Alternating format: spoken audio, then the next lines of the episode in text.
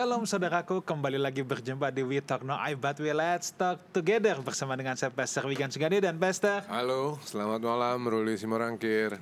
Yes bang, pada malam hari ini acara yang ditunggu-tunggu ini kita masuk dalam segmen ngobras, ngobrol santai Alkitab. Sebagaimana segmen ini sebulan sekali kita membahas saudaraku ya kalau saudara baru bergabung dan belum tahu ngobras itu apa. Jadi sebulan sekali kita ada segmen khusus namanya ngobras ngobrol santai Alkitab. Yang kita bahas adalah kitab per kitab dan pada kesempatan ini bang kita udah sampai kitab Di Ayub. Ayub. Ya. Iya. Kita udah sampai di kitab Ayub dan saudaraku sa- eh, kita nggak cuman berdua, kita ditemani oleh seorang sahabat yang sudah nggak asing lagi, udah sering menemani kita juga, Pastor Pastor Robson Samosir. Siap, puji nama Tuhan. Thank you for coming, thank you udah meluangkan waktunya. Siap Bagam. Welcome. Yes. Thank you, Sebelum kita mulai, saudaraku, saya ingin menyapa dulu setiap saudara ya yang menyaksikan acara ini baik secara live di YouTube channel Live House Community untuk saudara yang menyaksikan acara ini secara live. Kalau saudara ada pertanyaan seputar kitab Ayub ya, seputar kitab Ayub, hanya kitab Ayub saja. Saudara boleh WhatsApp di nomor yang ada di layar kaca saudara ya. Kalau saudara menyaksikan acara ini secara live, saudara pu- punya pertanyaan tentang kitab Ayub, saudara bisa WhatsApp ke nomor yang ada di layar kaca saudara ya. Dan saya juga ingin mengucapkan selamat bergabung untuk saudara yang menyaksikan ini dari MNC Live Channel. Saya aware banget, saya sadar banget bahwa khususnya Indonesia bagian timur ada sangat banyak yang menyaksikan acara ini. Seringkali saya eh, ketika pelayanan di Indonesia bagian timur atau dalam eh, sidang-sidang pendeta, kalau ketemu pendeta-pendeta dari Indonesia bagian timur, saya senang sekali karena bertemu dengan banyak sekali eh, sahabat Witok ya.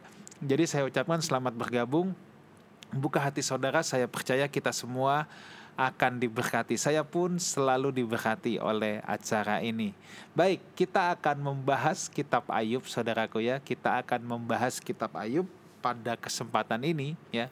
Sebagaimana saudara tahu ada orang yang bilang kalau ada orang yang paling menderita di bumi ini itu Ayub namanya ya. Ironinya dia lagi diem-diem, nggak ada salah apa-apa. Baik-baik. lagi hidup baik-baik lo bang ya.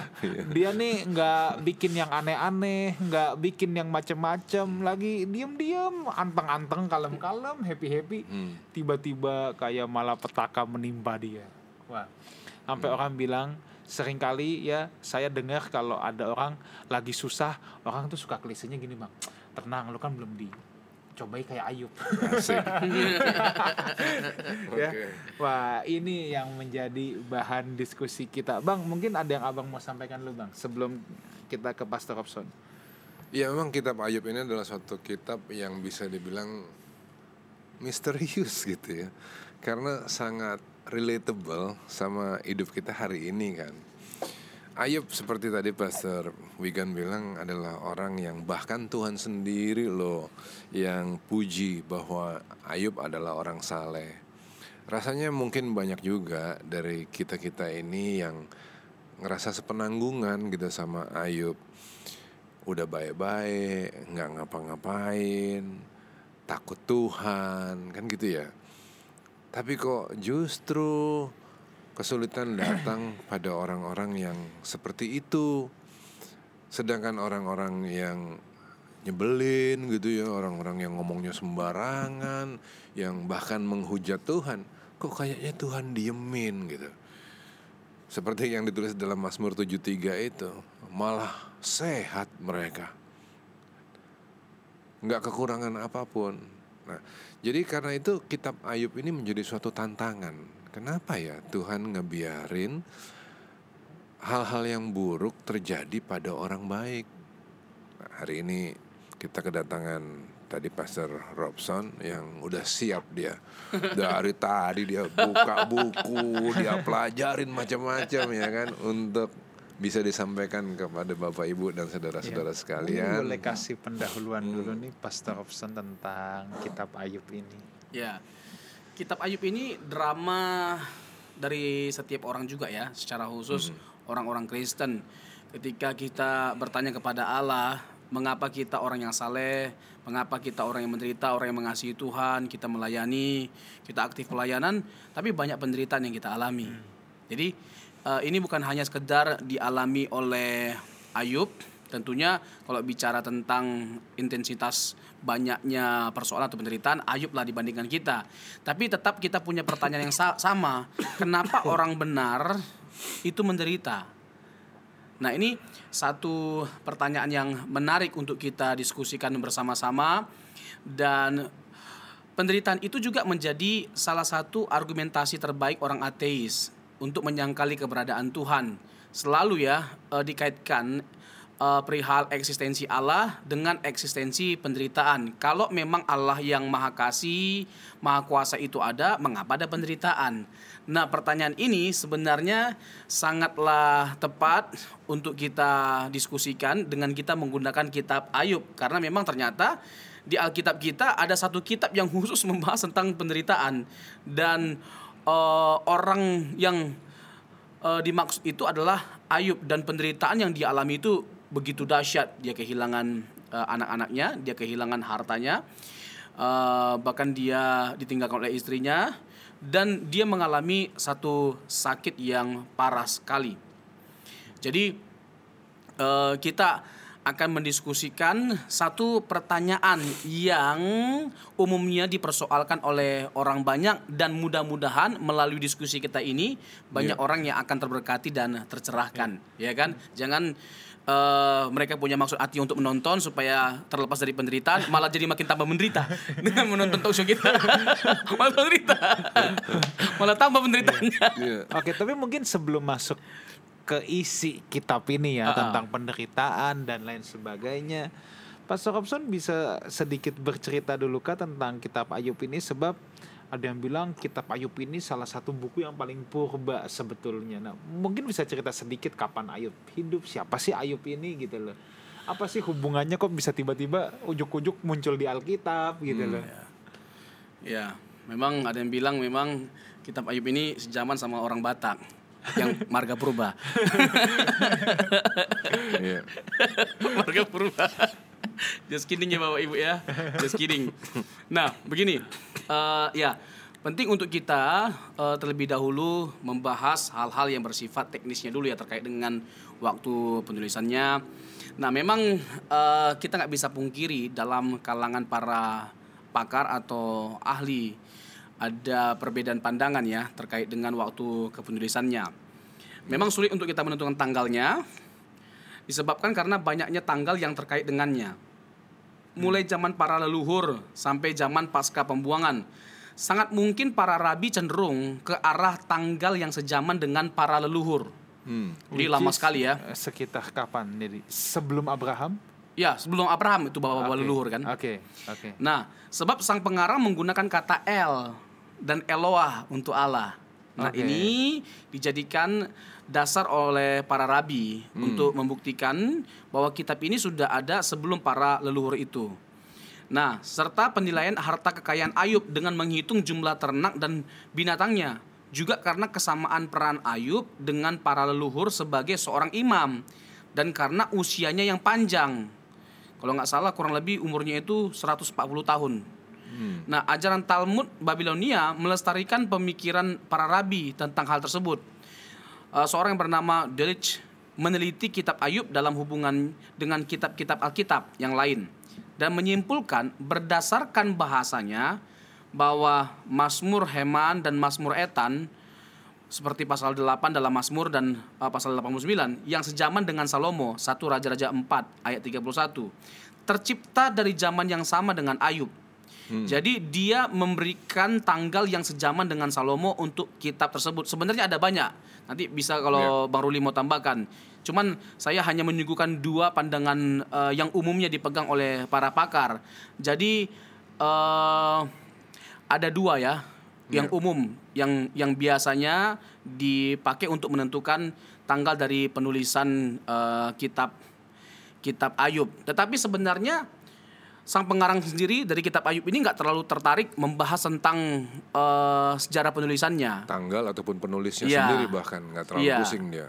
Iya. Nah, jadi lebih kepada poin-poin atau esensinya Iya. secara teologis ya, Iya. secara khusus. Kenapa? Karena memang ini adalah sesuatu yang asing pada pada Ayub dan orang sejamannya.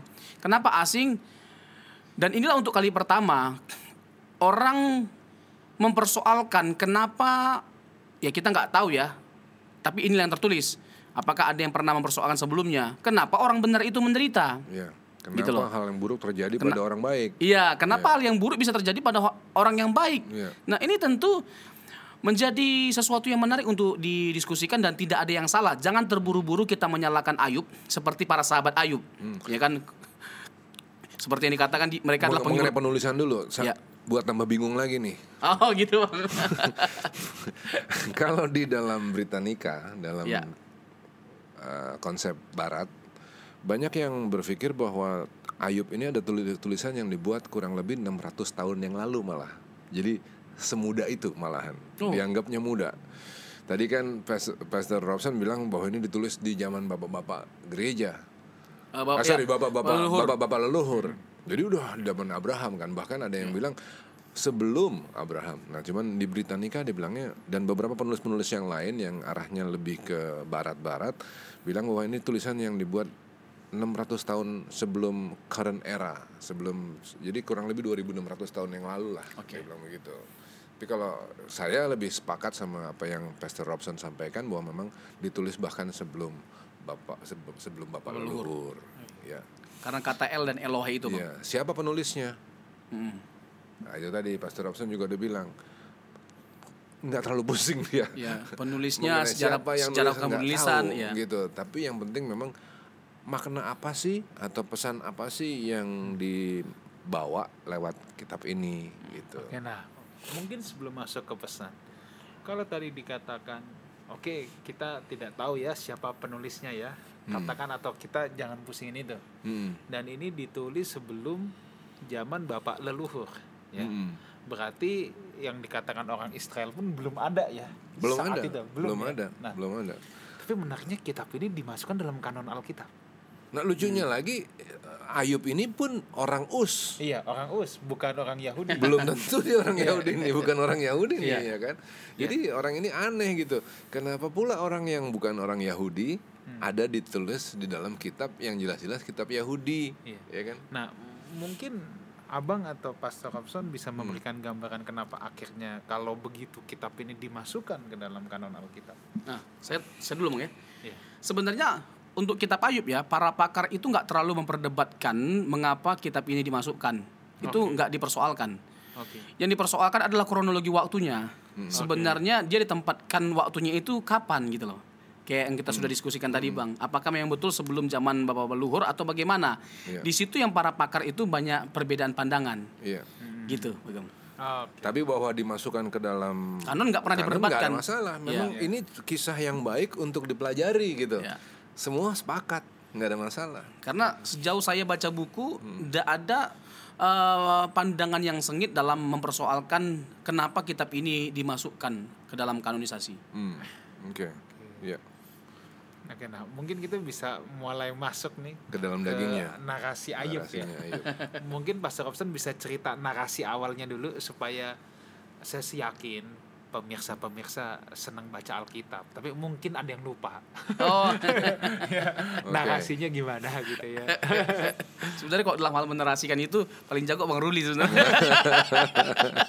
menarasikan kitab. Iya. mungkin bisa kasih narasi pembukanya dulu, Bang. Nanti kalau saya masuk kepada pertanyaan-pertanyaannya. Silakan Bang.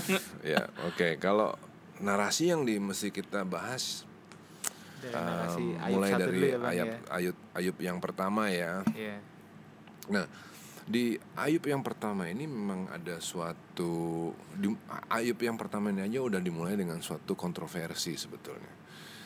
Kenapa kok bisa ya ada orang yang bahkan Tuhan sendiri puji sebagai orang yang saleh kok bisa kemudian ngalamin persoalan yang seberat itu gitu Orang normal kan ngeliat orang menderita gini pasti ada dosa nih. Pasti ada yang nggak beres ini. pasti ada yang nggak beres hidupnya kan nah ini terjadi dua kali pula kan Iya.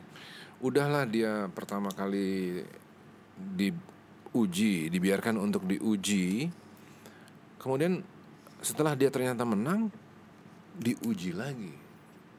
Itu itu persoalan yang timbul dalam kitab Ayub. Persoalan lain yang juga timbul dalam kitab Ayub adalah bagaimana caranya sehingga iblis bisa hadir di hadapan Tuhan dan malaikat-malaikat atau anak-anaknya. Ini masalah besar kan. Bagaimana ketika ke bagaimana Allah yang Maha Kudus itu bisa ada iblis yang jelas-jelas penjahat dan gelap. Ya kan Ayub 1 ayat yang ke-6 kan. Gitu. Pada suatu hari datanglah anak-anak Allah menghadap Tuhan dan di antara mereka datanglah juga iblis. Nah, ini ini masalah gitu. Banyak kalau Pastor Robson dulu. Tunggu bang, saya baca ayat 7 dulu ya Ya, bang Oke, ya. Lalu jawab iblis kepada Maka Tuhan. bertanyalah Tuhan kepada iblis dari Oh ya, oke. dari mana, engkau? Lalu jawab iblis kepada Tuhan dari perjalanan mengelilingi dan, Dan- menjelajah bumi. Nah ini banyak yang mempertanyakan, ini kok kayak akrab banget ya? Kayak akrab. Bisa ngobrol santai nih, Iya, kayak obrolan warung kopi Iya. gitu loh. Jadi bagaimana caranya iblis bisa hadir di hadapan Tuhan itu udah pusing, Eh, ya kan? Terus bukan hanya hadir di hadapan Tuhan, iblis Ngobrol yang santai ini. bisa ngomong kepada Tuhan dan bahkan Tuhan loh yang nanya kepada dia gitu. Ini kan aneh ya nggak? Ini Hmm. ini kontroversialnya kitab Ayub ini. Jadi kalau di dalam pem- pemahaman perjanjian baru ini bagaimana Pastor Robson? Eh, maksudnya apa ya? Apa yang apa yang jadi persoalannya, Bang? Iya. Bagaimana caranya bisa ada iblis di hadapan Allah yang Maha Kudus? ya, memang begini. Ya. Eh, lagi-lagi nih, Bang ya. Ada perdebatan yang sengit Iya, iya, dalam iya, teks iya. ini. Iya. Sebenarnya kalau kita bicara tentang lokasi, di mana lokasinya ini? Iya. Di ayat 6 itu kan pada suatu hari datanglah anak-anak Allah menghadap Tuhan dan di antara mereka datang Datanglah juga lah iblis. iblis. Iya. Nah, anak-anak Allah ini kan mengacu pada malaikat. Ini eh, pada umumnya para pakar memandang seperti itu. Iya. Anak-anak Allah adalah para malaikat. Yang jadi persoalannya ini di mana posisinya? Iya. Apakah di surga atau di bumi atau di wilayah setan? Iya. Iya, kerajaan setan. eh wilayah teritori mereka. Nah, kalau menurut saya dari pengamatan saya dari beberapa para pakar, saya lebih setuju bahwa ini memang betul di surga, ya. Di surga eh, terjadi diskusinya, percakapannya itu lebih masuk akal, lebih logis, ya. Jadi diizinkan iblis untuk masuk dalam sidang ilahi itu, lalu terjadilah percakapan antara Allah dan eh, ada juga para malaikat yang disebut sebagai anak-anak Allah di situ, Oke. Bang. Nah, di sini barusan Pastor Robson menyebut sesuatu yang mungkin ini juga kontroversial. Ya. Karena Pastor Robson baru aja bilang tentang adanya suatu fenomena yang disebut dengan sidang ilahi. Ya. Ya. Nah, per- pertemuan yang disebut dengan sidang ilahi itu adalah penemuan baru di dalam teologi yang mungkin baru di awal-awal di abad-abad ke-20 inilah ditemukan istilah itu. Yaitu ketika terjadi penemuan di di Syria yang disebut dengan penemuan El Shamra. Nah, di, ketika ditemukan penemuan itu uh, ditemu di dalam ini jadi ada gundukan gitu ya di di di Irak sana. Uh, kemudian pas dibongkar secara arkeologis ditemukan banyak sekali dokumen-dokumen yang umurnya tua luar biasa. Diperkirakan ini adalah suatu tulisan tulisan-tulisan se- seusia dengan Babilonia. Jadi udah luar biasa tua. Nah, kemudian tulisan-tulisan itu di diteliti oleh banyak pihak termasuk oleh para teolog dan akhirnya mereka bisa melihat suatu fenomena yang disebut dengan sidang ilahi. Sidang ilahi adalah suatu pertemuan yang dipimpin oleh Allah Sang Agung itu sendiri. Jadi ini syaratnya. Selalu harus dipimpin oleh Allah Sang Agung sendiri. Terlihat di dalam kisah Ayub ini ada suatu pertemuan yang dipimpin oleh Allah Sang Agung itu sendiri, ya. Kemudian sidang itu harus dihadiri oleh anak-anak Allah. Jadi tentunya persidangan kan nggak bisa sendirian, dihadiri oleh anak-anak Allah. Nah, anak-anak Allah ini dalam pemahaman teologi belakangan itu disebut sebagai malaikat, angels dan lain-lain. Tapi di dalam perjanjian lama mereka nggak kenal istilah uh, malaikat, angels dan lain-lain. Mereka hanya mengenal anak-anak Allah disebut dengan bene Elohim, gitu ya. Nah, ketika ketika mereka bersidang, maka harus ada suatu putusan yang akan dibuat dan putusan ini akan mempengaruhi nasib seseorang atau nasib seluruh bumi. Jadi either manusia, seorang manusia atau seluruh bumi. Ketika pertemuan itu dilaksanakan dengan cara-cara tadi dipimpin oleh Allah sendiri, dipimpin, kemudian dihadiri oleh Bene Elohim atau anak-anaknya menghasilkan suatu keputusan, maka itulah suatu sidang ilahi. Salah satu yang nulis mengenai ini adalah Peggy LD di dalam disertasi doktoralnya yang waktu itu dipresentasikan di Harvard. Nah, yang sedang terjadi adalah suatu sidang ilahi, ya, divine council. Nah, divine council ini untuk jadi suatu persidangan tentunya harus ada pihak yang menyanggah Allah berkata bahwa Ayub adalah orang yang saleh. Tapi kesalehan itu kan harus diuji.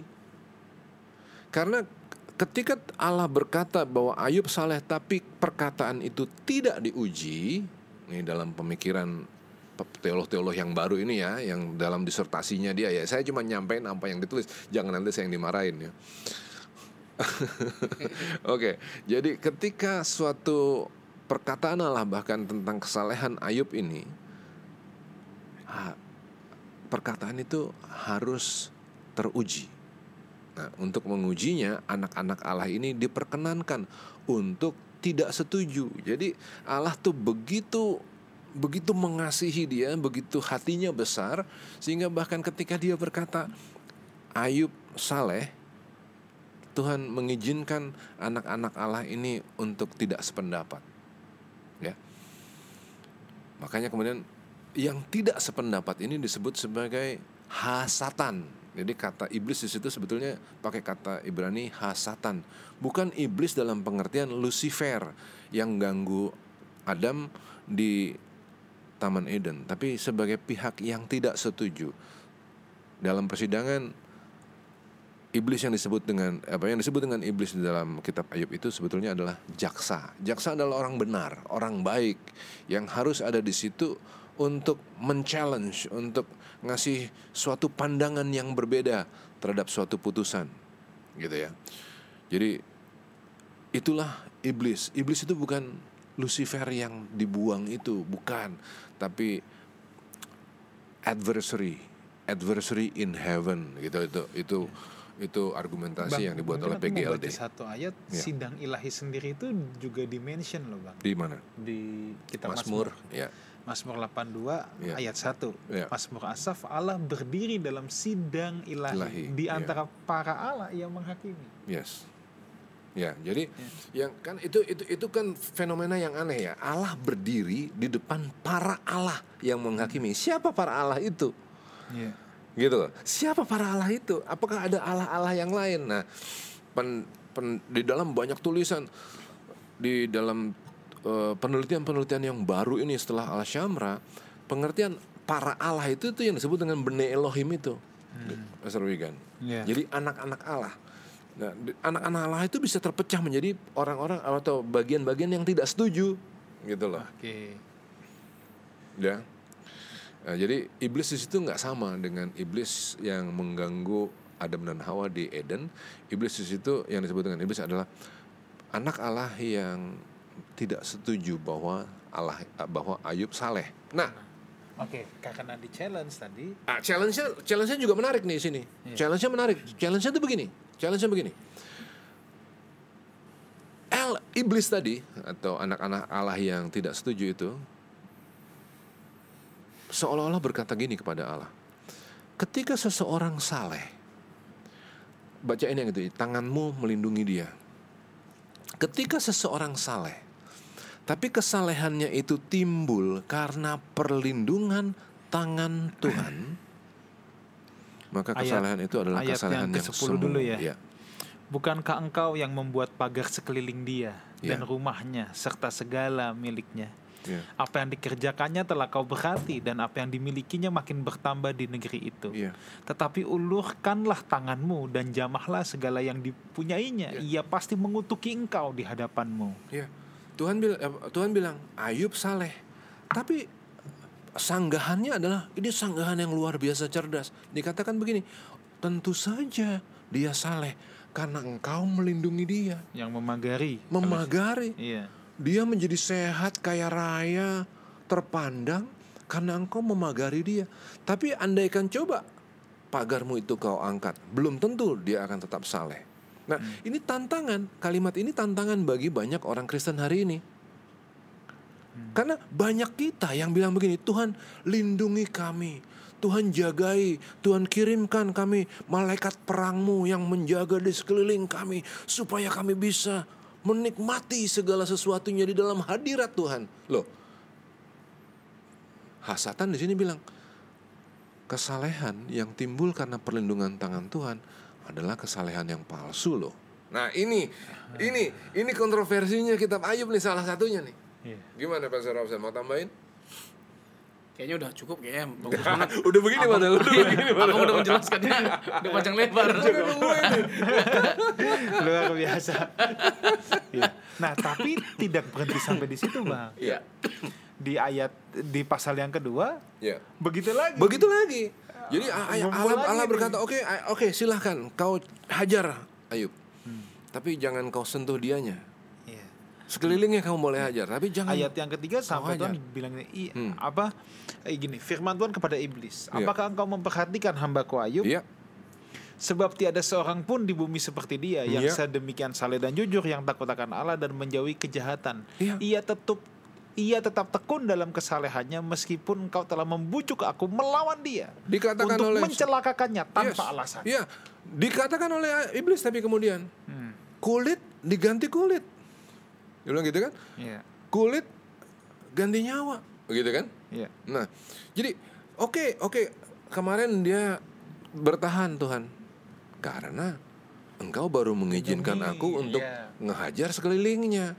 Tapi coba kalau kulitnya aku hajar, kalau kesehatannya aku ganggu, apakah dia tetap akan setia padamu? Bahasa di sini jamalah tulang dan dagingnya. Iya. Nah, itu ya. Ya, jamalah tulang dan Iya. dagingnya. Ya pasti mengutuki engkau di hadapanmu. Akhirnya Tuhan kasih permission, tapi nyawanya tidak boleh Jangan kamu kutik-kutik Iya. nyawanya ya. Nah. Kamu kamu boleh hajar, gitu kan? Iya. Nah, di sini timbul pertanyaan juga jadinya Pastor Robson. Oh, Tuhan kok nggak ngelindungin ya? Ya. Kan gitu kan? Nah, ini yang menarik, konsep perlindungan Tuhan. Iya. Oke. Ini harus kita diskusikan. Iya. Lanjut nih. Ya, memang jadi sebuah pertanyaan ya. Ya. Kok Tuhan gitu loh menjadikan manusia sebagai sebuah pertaruhan? Ini Ya. pertaruhan hebat loh ini Iya. antara Tuhan dengan iblis. Nah, maksudnya apakah Tuhan yang benar pada akhirnya atau iblis yang benar? Iya. Bagi iblis, orang bisa nggak setia, orang nggak akan setia kalau dia berhenti untuk diberkati. Itu premisnya dia. Iya. Iya. Tapi kalau Allah tetap tetap dari sejak awal, oh ini orang saleh. Iya. Nah, sekarang pertanyaannya, kan ini pertaruhan ini. Iya. Bagaimana Ayub membuktikan benar perkataan Allah Iya. bahwa dia bisa tetap saleh meskipun dia nggak diberkati nanti pada akhirnya. Pagarnya perlindungannya dicabut. Dicabut. Oke. Nah, ini kan sebuah pertaruhan. Nah, pertanyaan sederhananya, kok Tuhan menjadikan manusia itu sebagai sebuah pertaruhan? Nah, lagi-lagi ini sama seperti eh, pernyataan kita di awal di pendahuluan tadi bahwa ini menjadi sebuah pertanyaan yang tidak mudah dijawab oleh setiap kita. Ini misteri. Iya. Dan kitab Ayub ini mengajarkan kita intinya ya, bagaimana kita tetap mempercayai Tuhan walaupun kita nggak mengerti. Oke. Dan akhir dari cerita kitab Ayub ini juga mengajarkan kita bahwa segala sesuatu yang Tuhan izinkan terjadi meskipun kita nggak ngerti itu baik adanya tujuannya. Oke, sebelum lompat ke situ tapi tadi itu di depan tuh ada pernyataan yang yang yang perlu diklarifikasi dulu ya. Ya. Jadi kenapa Tuhan ngebiarin manusia dibikin jadi kayak percobaan, betul ya? Pertaruhan. Pertaruhan. Nah, apakah Ayub di dalam hal ini bisa kalah? Nah, ini menjadi Hmm. menarik. Kalau ditanya apakah bisa kalah atau tidaknya, Hmm. Saya percaya hal itu bisa terjadi. Bisa-bisa saja terjadi. Hmm. Bisa Tetap- saja kalah artinya. Iya, bisa Oke. saja terjadi. Karena Hmm. begini, bukan bukan Allah yang membuat Ayub itu menang secara mistik. Oke. Jadi memang ada pergulatan di situ. Dan kita bisa lihat kok. Hmm. eh kalau memang Tuhan yang membuat Ayub itu menang secara mistik tanpa ada pergumulan yang hebat, Iya. nggak mungkin dong sampai dia terkesan seperti menyalahkan Tuhan, meskipun dia nggak ada menyalahkan Tuhan. Iya. Dia dia mempertanyakan apa maksud dari semuanya ini, kenapa dia menderita, bukankah dia saling nggak ada kejahatan yang dia lakukan, Iya. yang sementara para sahabatnya itu kerjanya hanya menyalahkan dia mulu Oke. ya kan? Iya. Yang tiga sahabatnya itu kerjanya menyalahkan dia, ini itu dan sebagainya macamnya. Iya. Dan dia tetap bersikeras bahwa aku nggak bersalah dan pada akhirnya dia bawa ini kepada Tuhan. Iya. Tuhan aku nggak ada salah. Iya. Kok bisa aku begini? Tapi gini, kalau tadi saya tanya begitu ya, tuh, bisa nggak dia kalah, gitu ya? Ya. Pak Ayub bisa nggak kalah? Pastor Robson bilang bisa saja dia Bisa. kalah. Di ayat yang ke, di ayat yang ke nunjukin bahwa dia hampir kalah loh. Iya, bisa saja. Dia hampir kalah. Di, di pasal yang ke-9 ya, di pasal yang ke-9 ini jawab Ayub. Tidak eh, per- perikopnya ya. Tidak seorang pun dapat bertahan di hadapan Allah. Ayub Ayub dalam kesalnya nih, udah habis pikirnya dia. Udah nggak sanggup dia mikir. Ayub bilang begini, walaupun aku benar, aku tidak mungkin membantah dia huruf besar. Aku tidak mungkin membantah huruf membantah dia. Malah ha- aku harus memohon belas kasihan kepada yang mendakwa aku. Udahlah aku nggak bisa melawan dia, malah aku harus memohon ampun kepada dia. Iya, ini Kan? Hampir ya, kalah dia. ya, ini menarik Bang dari Ayub itu. Hmm. Dan ini juga men- yang menjadi alasan buat kita untuk menyimpulkan bahwa tidak ada indikasi Ayub menyalahkan Tuhan. Ya. Tetapi eh, ketika Ayub tidak membuat tidak ketika Ayub tidak mendapatkan jawaban, ini yang membuat depresi dia, Bang. Dia Depresi. stres, bahkan dia meratapi hari kelahirannya. Betul. Kalau memang aku Betul. menderita seperti ini, jadi dia lebih baik mundur gitu Iya. loh. Dan yang membuktikan pada akhirnya dia hampir kalah ini. Lebih bagus aku nggak usah mati. Dia sempat Iya. puas, dia sempat hampir, dia sempat nyalain Tuhan. Iya, lebih Eh, bagus dia mati. eh, Bukan hanya itu, itu kan di depan tuh, Iya, di, iya, ya, di pasal 3. Di pasal yang ke-9 ini misalnya ayat 19 ya. Iya. Ayub bilang begini, jika mengenai kekuatan tenaga, dia yang punya. Iya. Siapakah kita ini? Kata dia gitu kan. Dia yang punya. Gitu. Jika mengenai keadilan, siapa yang dapat gugat dia? Iya. Gitu. Iya kan? Iya. Ayub udah emosi kali nih. Ih, gitu kan? Iya. Pakai ada ihnya kalau orang Medan kan? Gimana? Gimana cara ngomong ih tuh? Iya kan? Sekalipun aku benar kata Ayub, Iya. mulutku sendiri akan menyatakan aku tidak benar.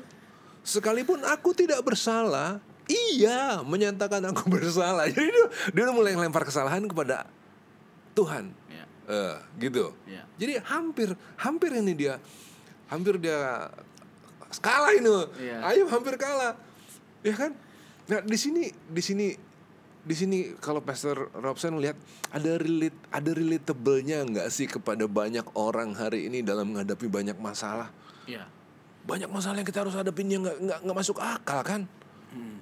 Nah, hampir kalah juga kan banyak orang. Bagaimana Pastor Robson? Iya.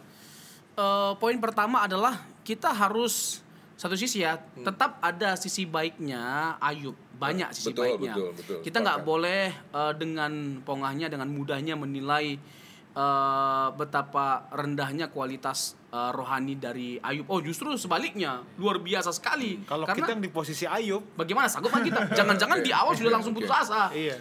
Karena begini, dia dia betul-betul hancur lah total kan kehilangan hartanya kehilangan anaknya Iya. anaknya mati semua istrinya meninggalkan dia istrinya malah menyuruh dia untuk mengutuki Allah Iya.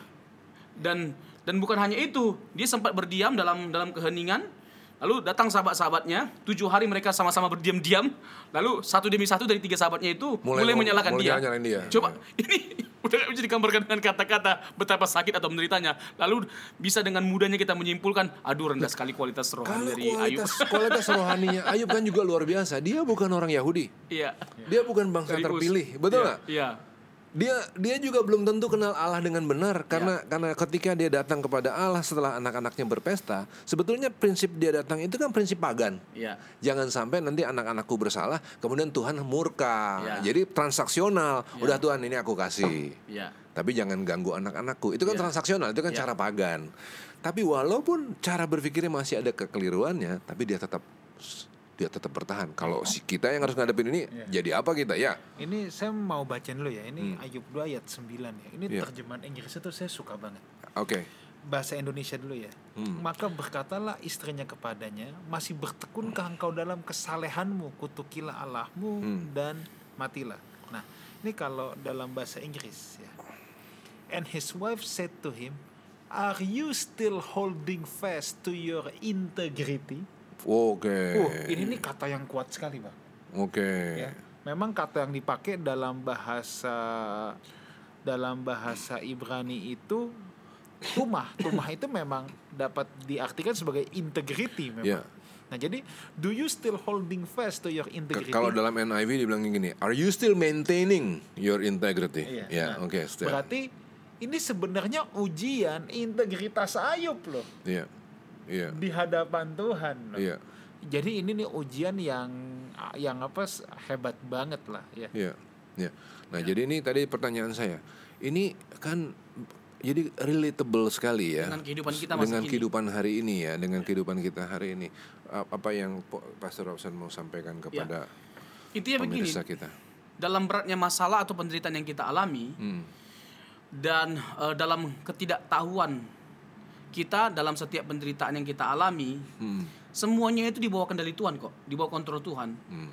Itu yang harus kita tangkap melalui kisah penderitaan dari Ayub ini. oke Jadi eh, pada pasal 42 kan di ayat 5 secara khususnya kan Ayub menegaskan Hanya bahwa orang. ya aku mendengar engkau dari apa kata orang tapi hari ini mataku memandang engkau. Maksudnya Oke. begini. Indah kok semuanya di dalam Tuhan. Tuhan terlalu tahu apa yang dia kerjakan. Jadi jangan jangan nilai pekerjaan Tuhan. Nah, Ya. persoalan utama dari Ayub itu kan itu, dia mencoba untuk memenangkap, memahami cara kerja Tuhan, keadilan Tuhan, pola pikir Tuhan yang notaban- notabene itu nggak mungkin karena kita ini manusia terbatas. Iya, iya. Yang Oke. Allah ingin supaya kita tahu adalah dia itu baik. Iya, iya, iya. Nggak mungkin dia menginginkan sesuatu yang buruk dan tidak pernah ada dalam rancangan Tuhan sesuatu yang buruk itu nggak ada. Ya. Tentang apa pun yang dia perbuat untuk kita itu baik adanya, termasuk dalam kisah Ayub ini gitu loh bang. Oke, kalau saya dengan permasalahan ini kan yang timbul sebenarnya kan suatu pertanyaan begini, bagaimana Allah yang baik bisa membiarkan hal buruk terjadi kan ya? Ya. Nah jawabannya bisa begini, lewat pengalaman Ayub dan apa yang Pastor Robson sudah sampaikan bisa menjadi begini. Jangan kita menilai Allah sekedar pada awalnya. Karena yang sedang dilakukan oleh Allah itu adalah suatu renovasi. Ayub lagi direnovasi. Apa pun yang lagi direnovasi bakalan kelihatan jelek. Apa pun yang lagi direnovasi. Coba kita renovasi rumah kita. Debu lah, semen lah di sana sini dan lain-lain. Kalau kita hanya menilai di awalnya, yaitu ketika banyak debu, lumpur dan lain-lain, semen, pasir, berantakan ke mana-mana, ya kita akan nilai Allah jadi jelek. Ya. Tapi lihat Allah ketika Ayub sudah menyadari di Ayub 42. Ya, akhirnya. Akhirnya Ayub bisa ngerti kan. Ya. Memang kemarin lagi renovasi dia, hancur-hancuran dia, hampir kalah dia. Tapi sekarang lihat, oh my, oh aku ngerti. Selama ini aku lewat kata orang saja aku mengenal tentang engkau. Tapi hari ini mata Tapi hari ini mataku kebuka lebar. itu bisa aja poin itu bang. Ya kan? Ah, bisa aja poin itu menjadi salah satu eh, poin aplikasinya ya Mm-mm. terkait dengan kisah Ayub bisa dalam bentuk eh, direnovasi atau di upgrade. Upgrade. Alkitab Oke. mengatakan bahwa dia orang saleh. Iya. Jadi memang betul dia ke- terkena hukuman, kena eh, satu penderitaan yang luar biasa, bukan karena kejahatan yang dia lakukan. Enggak. Dia tidak sedang bersalah atau berdosa. Bukan. Tetapi ingat, sesaleh-salehnya Ayub pun Ayub bukan orang yang sempurna. Jadi Tuhan mengupgrade iya, dia, iya, iya, mengupgrade kesalehannya, mengupgrade kesetiaannya kepada Tuhan. Sekarang begini, kan terupgrade kesetiaannya kepada Bahkan Tuhan. menjadi manusia yang baru kan? Iya. Iya. Nah, Bukan hanya upgrade. Sekarang dapat kita lihat terupgrade kesetiaannya, Iya. bukan hanya pada waktu dia kaya, Betul. Bukan hanya pada waktu melimpah, Iya. semuanya baik-baik saja. Dia punya anak sempurna tujuh, laki-laki loh, tiga perempuan. Jadi sepuluh itu pun itu pun angka sempurna dalam konteks Iya. Yahudi, tujuh Iya. angka Iya. sempurna, Iya. sepuluh angka sempurna. Iya. Jadi luar biasa sekali kebahagiaan dari Ayub ini. Iya. Tiba-tiba diambil. Ah, diambil semuanya itu hilang. Iya. Nah, kan di-upgrade kesetiaan Ayub di mana dia bukan hanya sekedar mengasihi Tuhan pada waktu semuanya baik-baik saja. Iya. Tetapi ternyata dia belajar tetap mengasihi Tuhan, melayani Tuhan, mengabdi kepada Tuhan meskipun dia mengalami penderitaan yang luar biasa. Oke, di-upgrade ya. Nah, kalau bicara tentang upgrade, Pastor Robson, coba kita lihat di Ayub 29. Ayatnya yang kelima.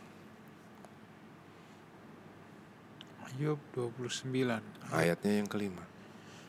Ketika yang maha kuasa masih beserta aku dan anak-anakku ada di sekelilingku. Ini Ayub cara berpikirnya masih keliru nih di pasal 29 nih.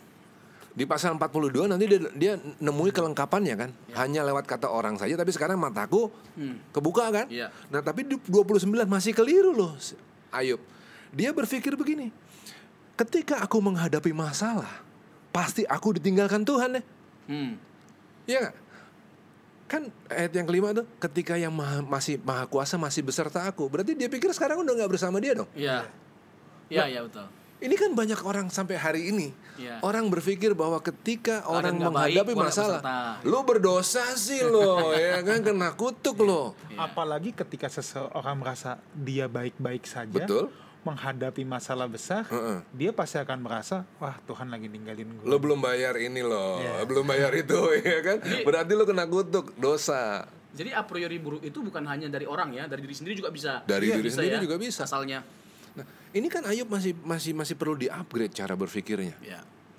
Tapi sedihnya hari ini pun tahun 2023 Ayub ditulis zaman tahun Bapak leluhur. Kalau dia punya cara berpikir begitu masih oke. Kalau hari ini kita yang Tuhan sudah berkata bahwa Tuhan dia Immanuel bersama dengan kita, dia ada di dalam kita. Terus ketika orang banyak menghadapi masalah dan orang berkata, pasti Tuhan meninggalkan kamu. Tuhan pasti udah nggak besertaku lagi. Waduh, hancur loh. Ayub udah nemuin bahwa di 42 dia nemuin bahwa dia menemukan keindahan Tuhan.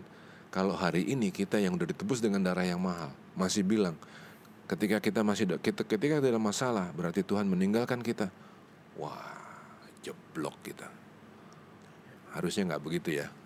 Ya, mungkin saya agak keluar sedikit bang ya Ya, terkait oke, dengan go. Hmm. uh, pergumulan orang ateis yang menganggap penderitaan itu adalah bukti bahwa Tuhan tidak ada. Oh, Kalau oke. Tuhan ada, seharusnya nggak ada penderitaan. Oke. Nah, lagi-lagi kita, kita kan mencoba untuk menjawab dari perspektif kekristenan, Ya. bukan hanya secara teologis juga, tapi secara filosofis. Oke.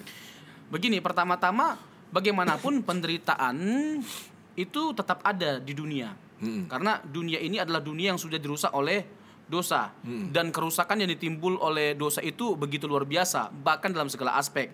Jadi wajar semua orang termasuk orang yang percaya mengalami penderitaan. Ya kan evil or suffering gitu loh. Ya. Nah, sekarang begini. Eh, hebatnya kekristenan itu Allah yang kita sembah itu adalah Allah yang deal with suffering deal with suffering. Puncaknya bagaimana? Puncaknya waktu Yesus datang menyatakan kebaikan terbesar bagi umat manusia, yaitu keselamatan lewat apa? Suffering, penderitaan.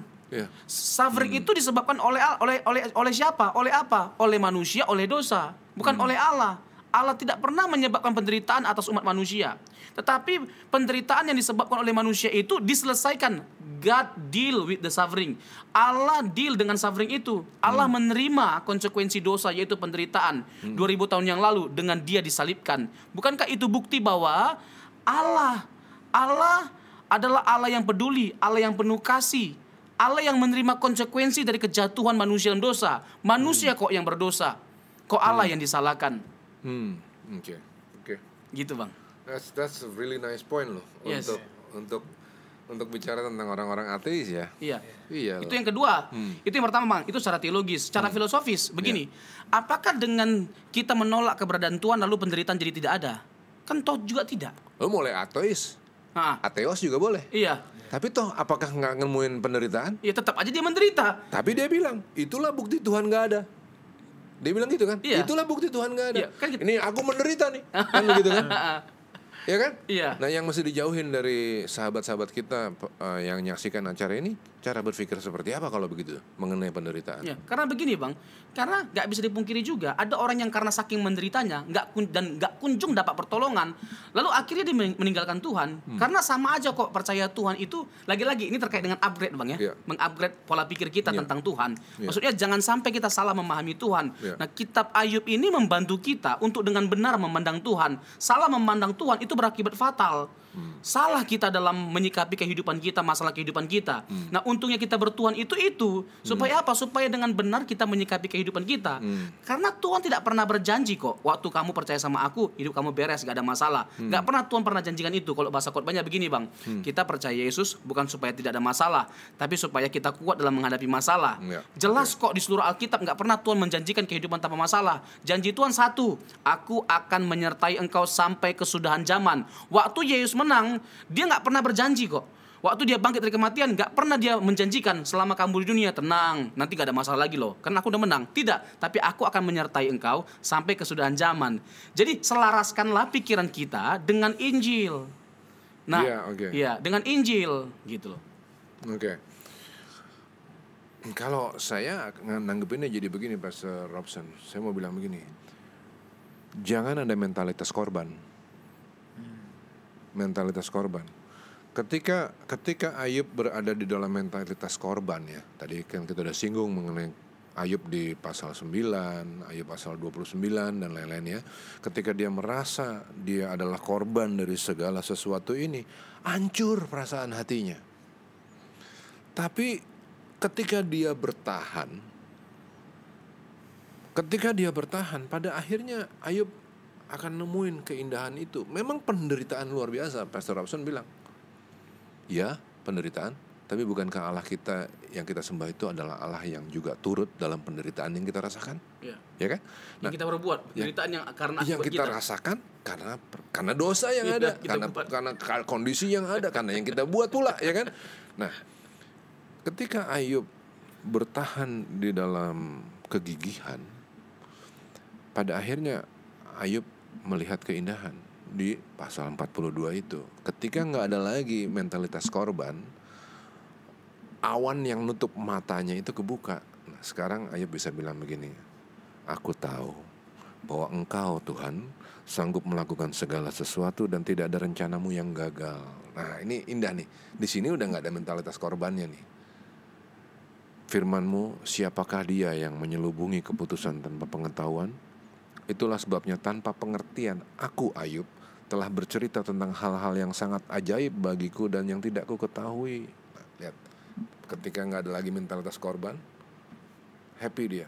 Tapi begitu ada mentalitas korban, makin beratlah penderitaan itu. Saya tambahkan dikit bang. Iya. Kenapa tadi saya menghubungkan dengan Tuhan Yesus? Iya. Ini menjadi sesuatu yang sangat-sangat menarik sekali. Kisah Ayub ini bisa menjadi tipologinya, Tipologinya Tuhan, Tuhan Yesus. Yesus, iya. Bedanya Yesus nggak disayangkan nyawanya sampai mati. Iya, Kalau Ayub itu disayangkan Masih nyawanya, disa- hanya di- sayangkan nyawanya. Hmm, masih dijagain ya? Iya. Mm-mm. Kalau Yesus itu sampai kehilangan nyawanya. Iya. Bukankah kebaikan terbesar justru datang lewat penderitaan? Iya. Kebaikan terbesar. Jadi keindahan justru kelihatan dari suatu penderitaan. Iya, Ya, ja- oke. jadi jadi jangan sampai kita salah memahami Tuhan di sini. Iya. Jadi Allah yang kita sembah itu adalah yang Allah yang bijaksana, Allah yang cakap. Bukankah Roma 8 ayat 28 men- menegaskan kepada setiap kita, kita tahu sekarang bahwa Allah turut bekerja dalam segala hal mendatangkan kebaikan bagi mereka yang mengasihi Dia. Iya. Dan faktanya memang Allah kita itu adalah Allah yang bisa mendatangkan kebaikan lewat segala situasi yang buruk yang kita sedang alami. Adakah Tuhan Yesus punya mentalitas korban? Adakah? Gimana Pastor Rapson Ya, ngomong? kalau sampai dia punya mentalitas itu ya gak jadi kita ditebus. Iya kan?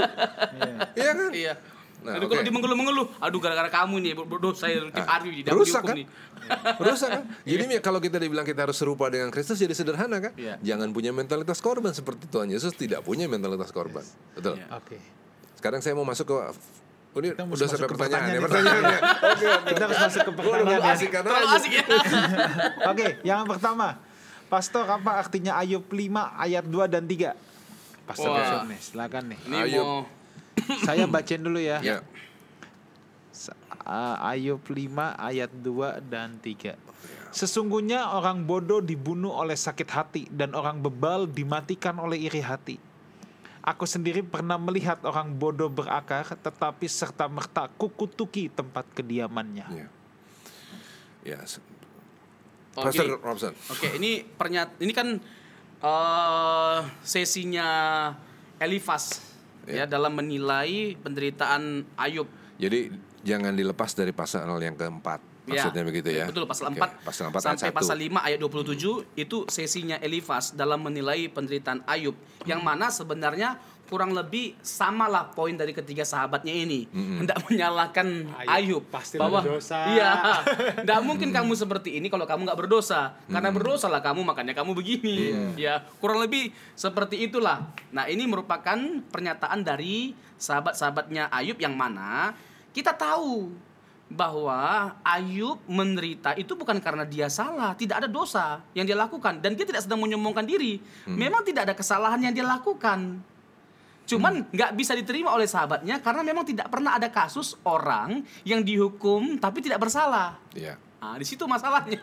Iya, iya. Nah, jadi kasus Ayub ini adalah kasus yang eh, sangat menolong kita lah, membantu kita lah. Apalagi eh, di zaman sekarang ini, ya kita tahu banyak juga orang yang mengalami se- ke- ke- apa ya eh, keadaan seperti Ayub dalam pengertian eh, timbul tanda tanya dalam dirinya. Kok aku melayani Tuhan? Kok aku memberikan waktu segenap segenap hidupku untuk Tuhan, tapi aku menderita. Nah, terbantu sekali kita menjawab pertanyaan ini dengan melihat kisah Ayub ini gitu loh. Ya. Kalau kalau maksud dari pertanyaan ini adalah apa yang dimaksud di dalam Ayub Ayub 5 2, 2 dan 3 ini dengan kalimat yang begitu berbunga-bunga. Apa sih artinya? Tolong jelasin dong maknanya ada pakai bahasa Indonesia yang sederhana misalnya begitu ya. Kalau itu yang dimaksud untuk ditanya, saya mau bilang begini.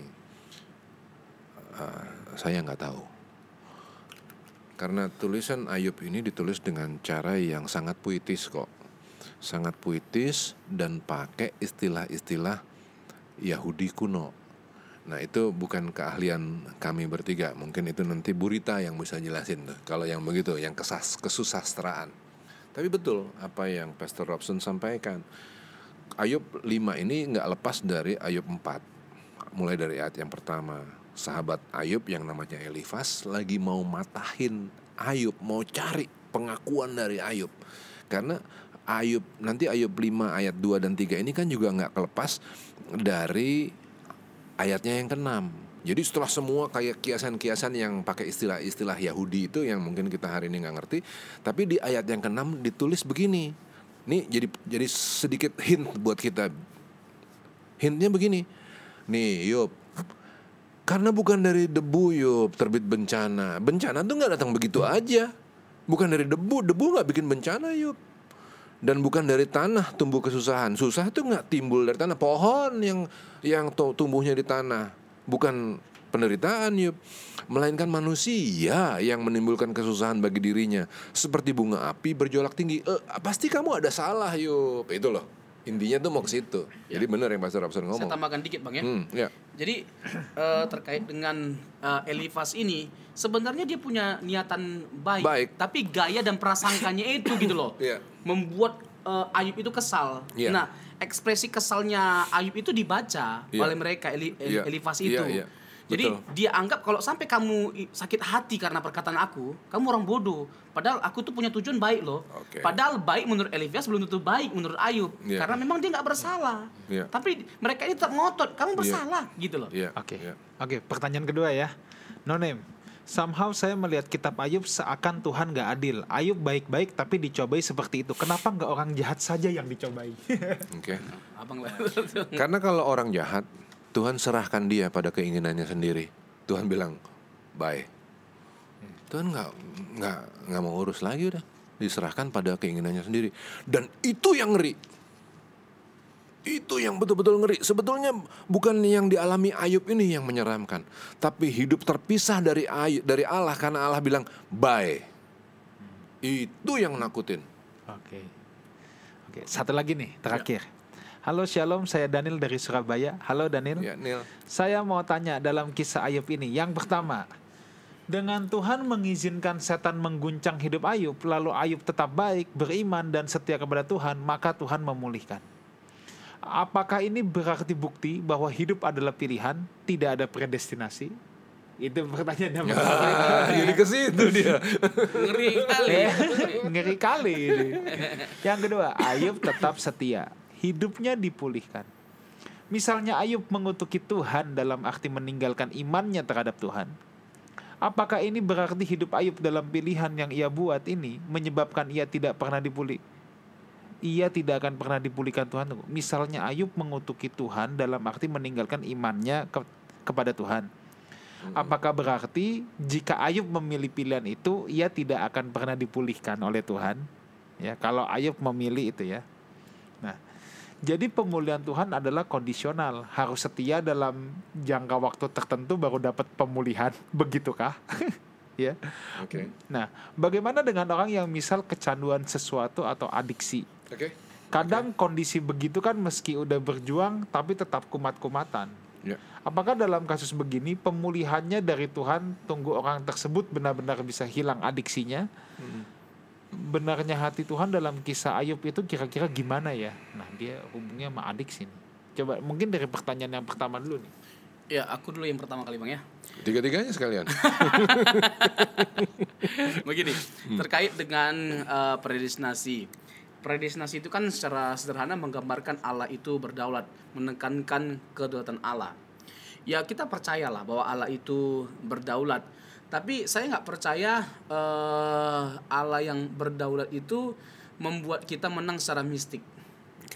Nggak nggak percaya dan itu terbantahkan lewat pengalaman Ayub, Ayub. kisah Ayub ini gitu loh seperti yang tadi pertaruhan tadi bang Iya, kita sudah iya. bahas abang ada singgung terkait dengan hampir kalah dia Iya. ya kemungkinan dia untuk mundur itu ada Iya. bahkan kita bisa melihat bagaimana dia meratapi hari kelahirannya kalau begini ya bagus aku nggak usah mati ruang-ruang untuk dia bisa kalah itu ada kok Iya. ya dan di situ kita lihat bagaimana pergumulan dia bersama dengan Allah pada akhirnya dia menyadari bahwa salah dia eh, mempertanyakan semuanya ini kepada Allah gitu. Ya.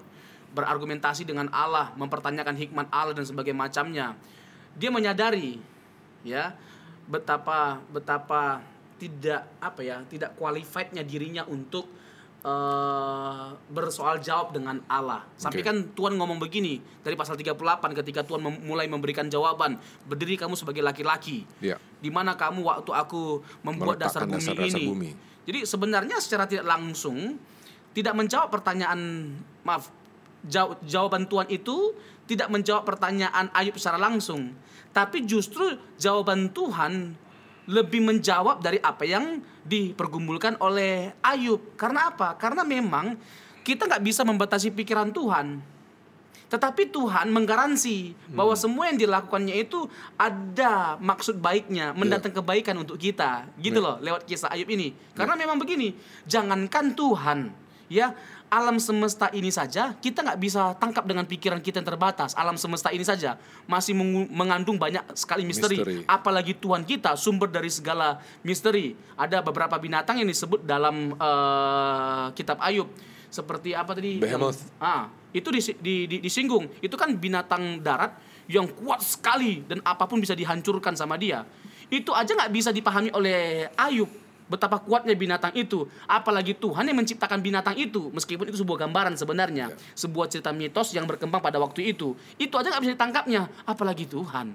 Jadi nggak semua hal tentang Tuhan itu harus kita pahami. Tapi percayalah, Tuhan menggaransi semua hal yang Dia lakukan bagi setiap kita itu baik adanya. Iya. Nah kalau yang kedua ini kalau dihubungkan dengan adiksi itu kayaknya kurang relevan nama Ayub ya. Kalau Ayub ini kan Yang pertanyaannya gimana sih? Teodisi betul kalau adiksi. ya. iya. Gimana? awalnya Daniel bilang apakah harus setia dalam jangka waktu tertentu baru dapat pemulihan Oke. ya bagaimana dengan orang yang kecanduan atau adiksi Oke. apakah pemulihannya dari Tuhan tunggu orang tersebut benar-benar hilang adiksinya Terus tadi Daniel juga sempat bilang berarti pemulihan yang dat- datang dari Tuhan itu kondisional. Gitu kan. Kalau saya ngelihatnya ya Daniel, Daniel ini kan maksudnya pasti mau ngeliat di pasal 42 dimulai dari ayat yang ketujuh ya ketika Ayub dipulihkan. Nah, sebetulnya cerita tentang Ayub ini tidak ter- difokuskan kepada pemulihan Ayub. Cerita Ayub ini difokuskan pada bagaimana Allah merenovasi Ayub sehingga Ayub pada akhirnya di pasal 42 itu menjadi ciptaan yang baru, di-upgrade dia. Di situ sebenarnya cerita itu berakhir. Nah, tapi memang ada kondisi ketika Ayub dipulihkan. Tapi perhatiin, apakah ap- apa yang membuat akhirnya Ayub dipulihkan keadaannya? Apakah karena kondisional? Enggak loh.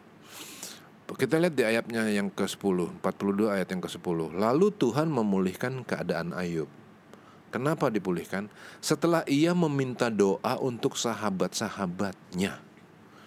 Jadi Ayub dipulihkan di situ bukan bukan soal bukan soal syarat, tapi Ayub dipulihkan karena memang dia berubah, dia dia nunjukin kualitasnya. Buk- buk- buk- cerita ini cerita ini sebenarnya nggak nggak diarahin untuk sekedar nunjukin bahwa Ayub dipulihkan, enggak. Tapi Ayub kalaupun ia dipulihkan karena dia berdoa untuk sahabat-sahabatnya loh, karena dia nunjukin kualitasnya loh, gitu. Oke, Iya. baik. Pastor Robson, thank you untuk kebersamaannya pada malam hari ini. Sama-sama Gam. Diskusi yang sangat menarik tentang Kitab Ayub. Bang, minggu depan kita akan bersama-sama Pastor Andre Tunggal. Kita akan membahas tentang bagaimana kekristenan melihat LGBT. Oke.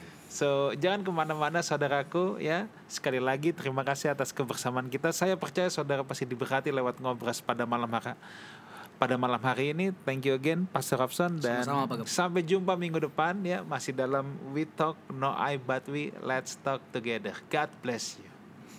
Bye.